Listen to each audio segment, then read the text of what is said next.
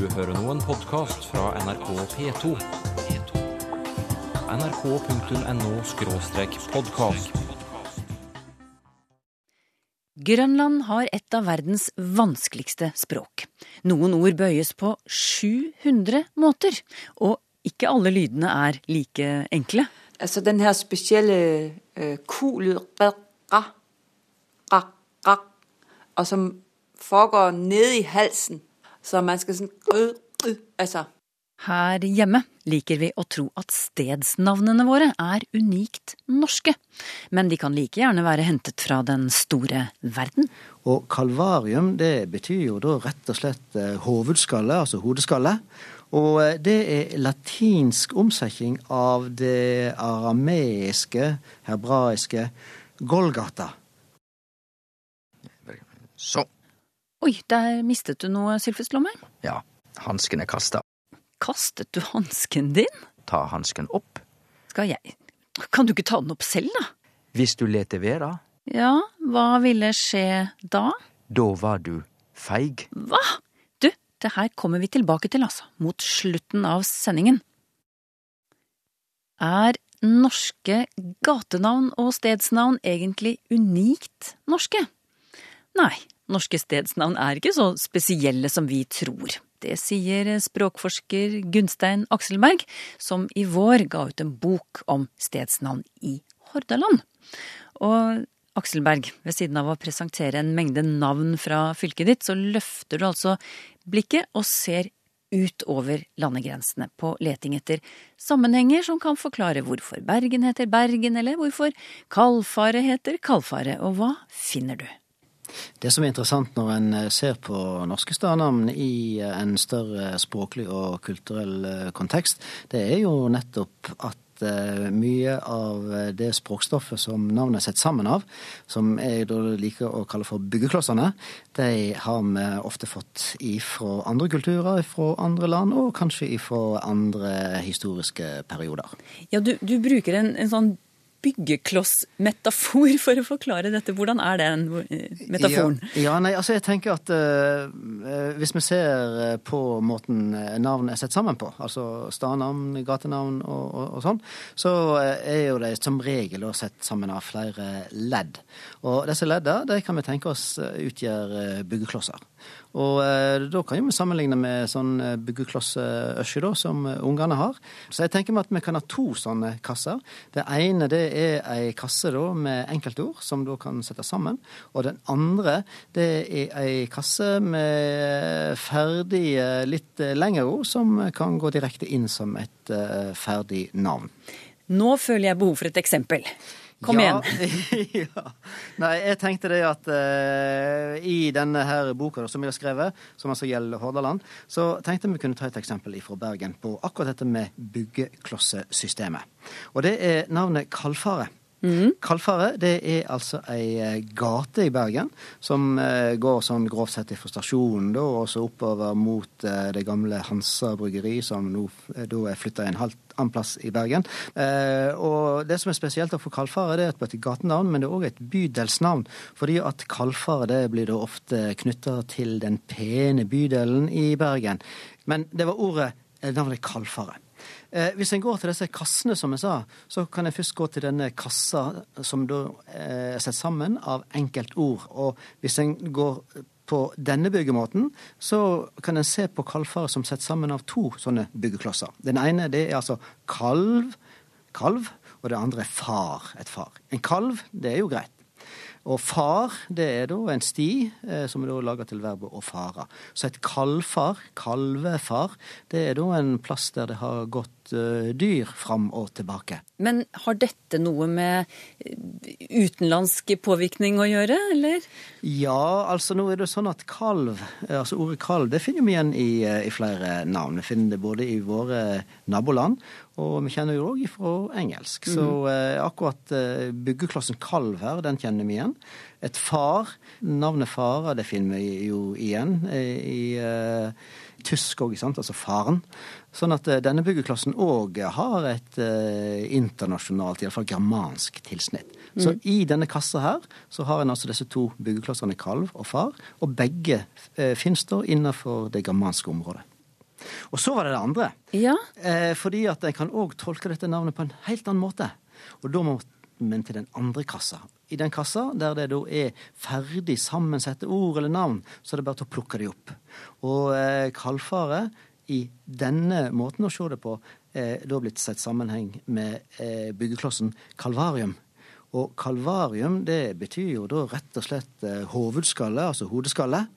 Og eh, det er latinsk omsetning av det arameiske, hebraiske, Golgata i Jerusalem, som betydde det samme, altså hovedskalle. Og det var jo her Kristus da ble korsfesta.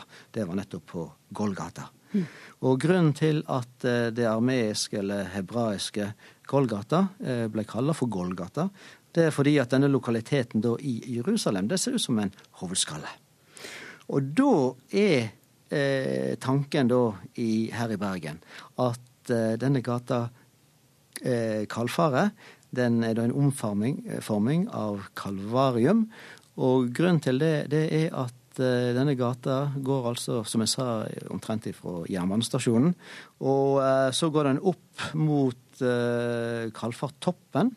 Og en har tenkt seg da at denne toppen da kan være et sånt kalvarium eller tilsvarende tilsvare Golgate. Og eh, opp eh, dit så er det 1200 skritt, og det skal tilsvare da den lengden som eh, Kristus gikk fra Pilatus eh, borg i Jerusalem og opp på Golgata. Og så har en tenkt som så at i katolsk tid i Bergen så hadde en i forbindelse med påsken en prosesjon oppover her, og derfor har denne gata da fått dette navnet. Så to ulike forklaringer eh, egentlig. Hvilken eh, vinner?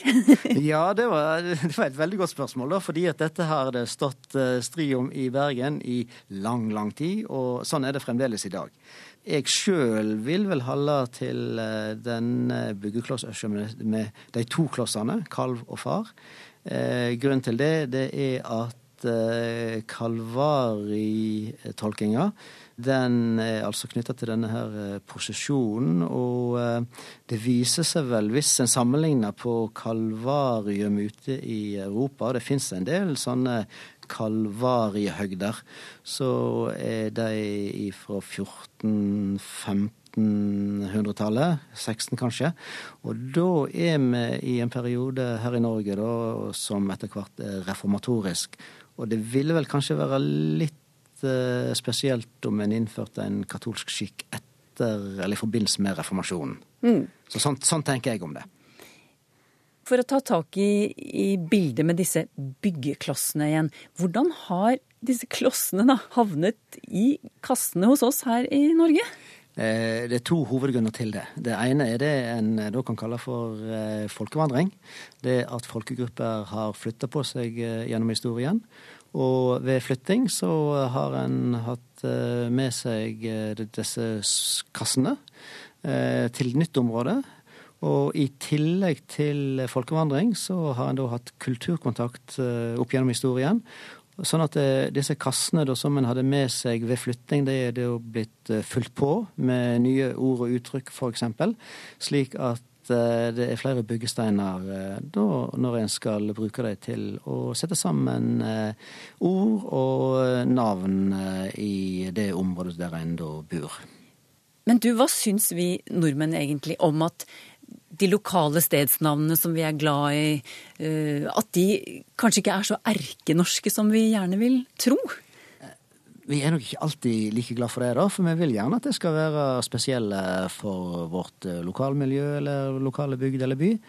Og eh, jeg kan ta et eksempel på dette her. Jeg fikk høre av eh, ei litt eldre dame en gang.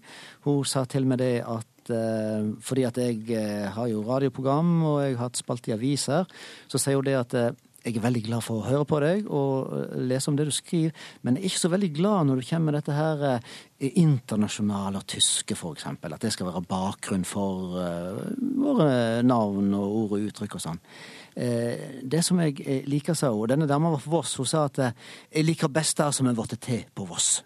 Og jeg tror det er nokså karakteristisk for mange av oss at vi vil gjerne at eh, det som er lokalt og originalt, det har en viss betydning for oss, og derfor så vil vi gjerne òg ha det for oss sjølve.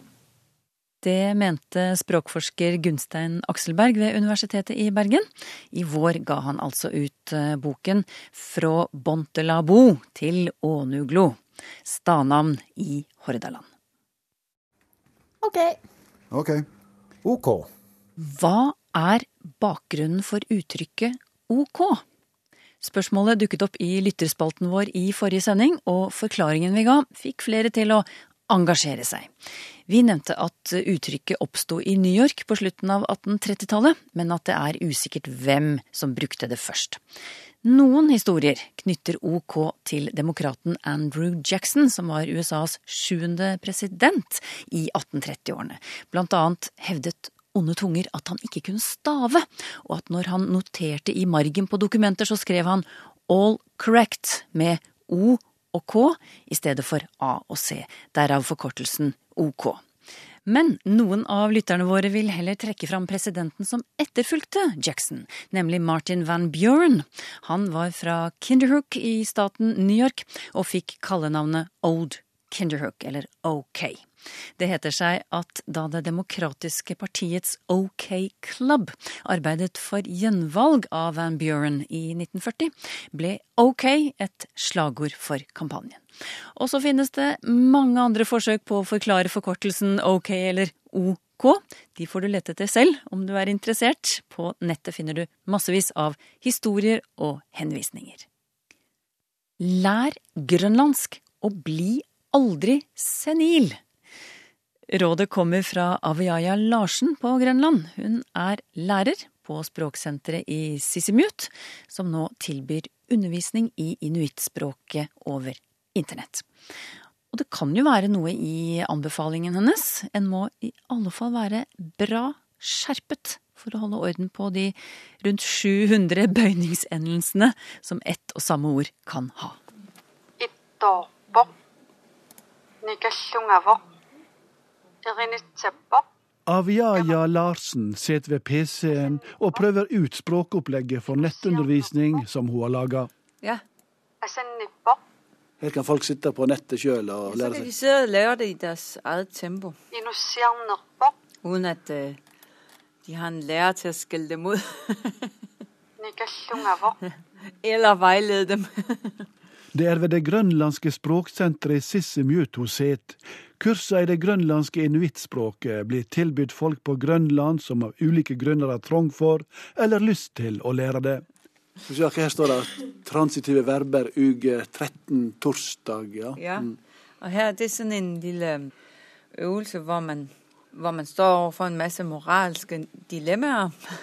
Blant annet finnes det nordmenn på Grønland som følger slike språkkurs, og folk utenfor Grønland er like velkomne til å prøve seg på et av verdens vanskeligste språk, som likevel byr på en del ord vi drar kjensel på. rayak, anorak, nanok. Anorakk og kajakk skulle være velkjente ord, også nanok, som utstyrsprodusenter har tatt i bruk. Nanok er bjørn. Og likeså ajungilak, som betyr noe sånt som OK. Ja, det er i orden. Det Det betyr betyder direkte, det er ikke dårlig'. I Norge så er det et uh, merke for en sovepose. Ja, en sovepose, ja, en ayungilak sovepose, ja. Så det er en OK sovepose.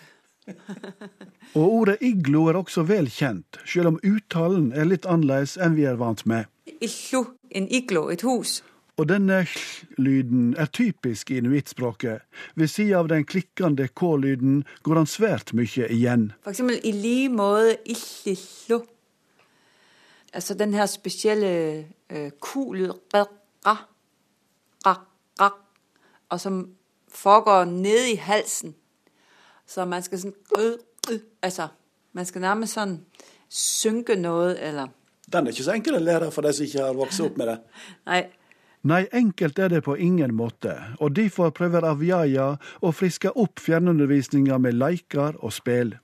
Forskjellige quizer Og, øh, så jeg prøver å gjøre gøre det litt sjovere, fordi når du hører, at du kan bøye et ord på 700 måter, så vil du straks løpe skrikende væk.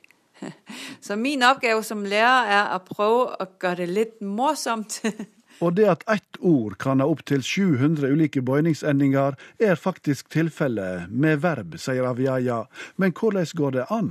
Jo, altså, du har jo øh, åtte forskellige måter du kan bøje verbet på. Eksempel, hvis jeg løper, fordi jeg løper, øh, i det jeg løber, øh, at jeg løper. Som på grønlandsk høres slik ut. Øh.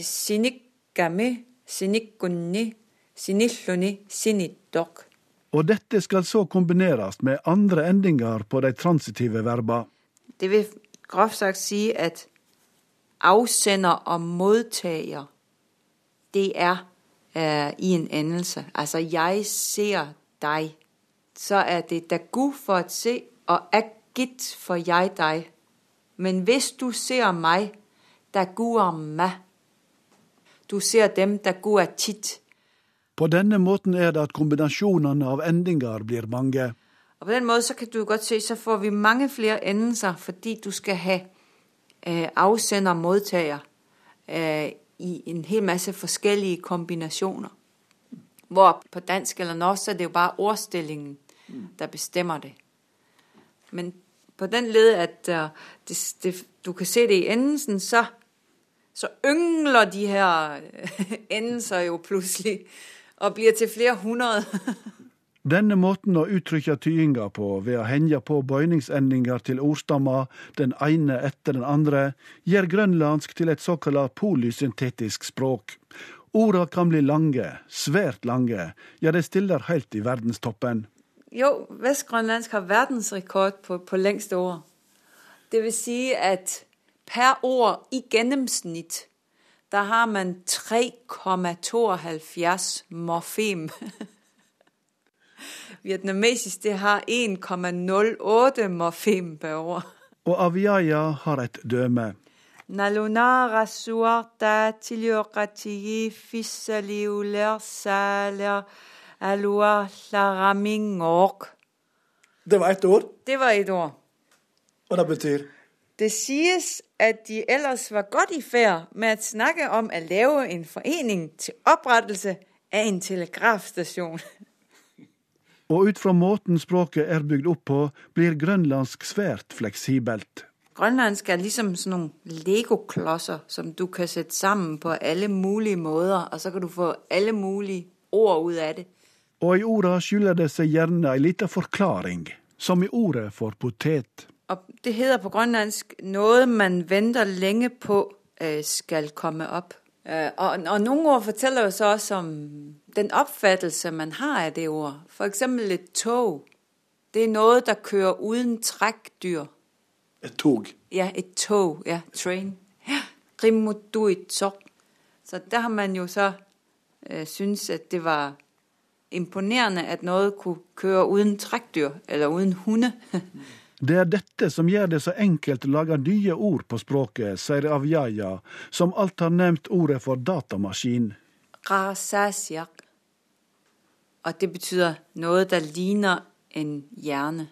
Fleksibelt altså, men vanskelig å lære for den som ikke har det som morsmål fra barnsbein av.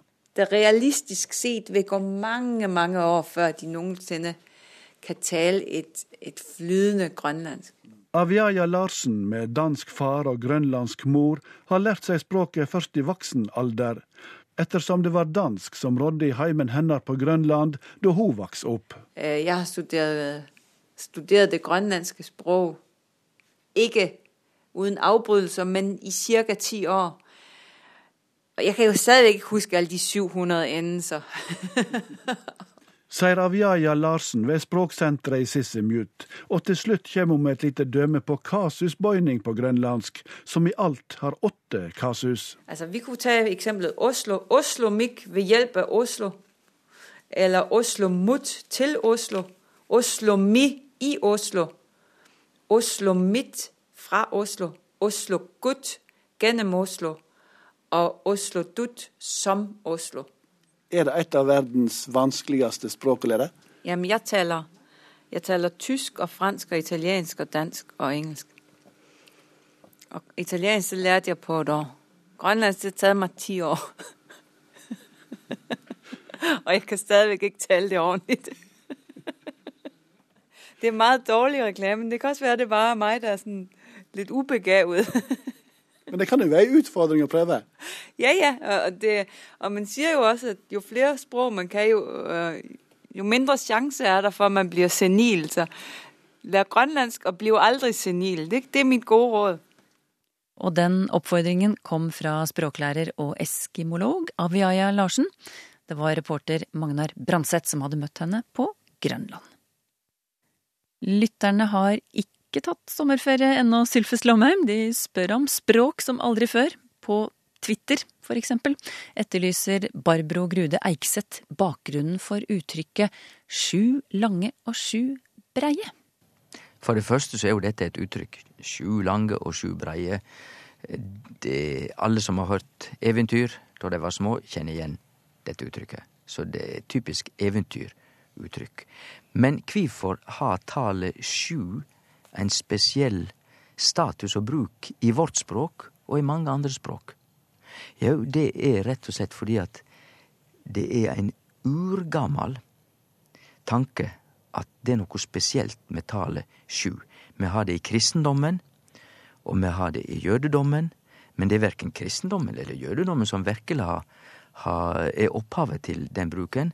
De igjen bygger på urgamle forestillinger som vi kan spore tilbake til Babylon, altså dagens Irak.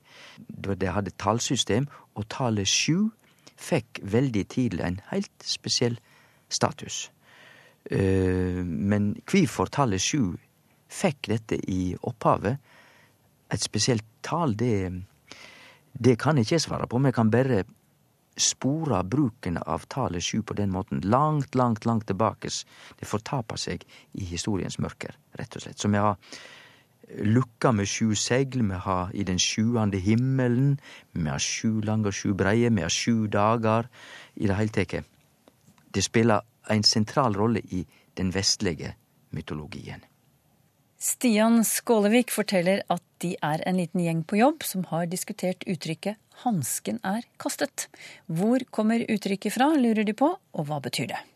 Når det gjelder tyinga, så vil mange vite at hvis du kaster hansken, da utfordrer du noen. Så, nå har jeg sagt det. Hansken er kasta, og så, ja. Ikke sant? Og da er vi på sporet av opphavet, fordi at dette går tilbake til mellomalderen. Vi kan tenke oss to som var i strid med hverandre, og så kom den ene og kasta hansken framfor den andre. Da utfordrer han den andre til duell. Og det betyr duell på liv og død. Og da hadde den som fikk hansken kasta framfor seg, bare ett av to å gjøre. Enten å ta hansken opp, og da godtok du å duellere.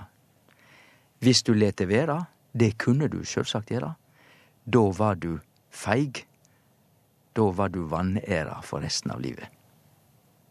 Hei, Språkteigen, skriver Esten Wang. I formell kommunikasjon opplever en ofte ordet tilsvar. Hva skiller tilsvar fra ordet svar? Da vil jeg svare slik at tilsvar har en mer formell bruksmåte enn svar, som er det alminnelege ordet. Og det er derfor òg at når vi snakker om formelle ting, så er det snakk om tilsvarsrett. Og det er viktig i ei sak, eller i journalistikken. Så vi kan si det slik at et tilsvar, det er alltid et svar. Men det er ikke alle svar som er så formelle at de fortjener ordet tilsvar. Språkteigen er slutt for denne gang. Neste uke tar vi blant annet for oss fenomenet festsyntaks. Hurra for Ola, som i dag bursdag har. Hvorfor blir ordstillingen så rar når vi skriver gratulasjonsdikt og bryllupssanger?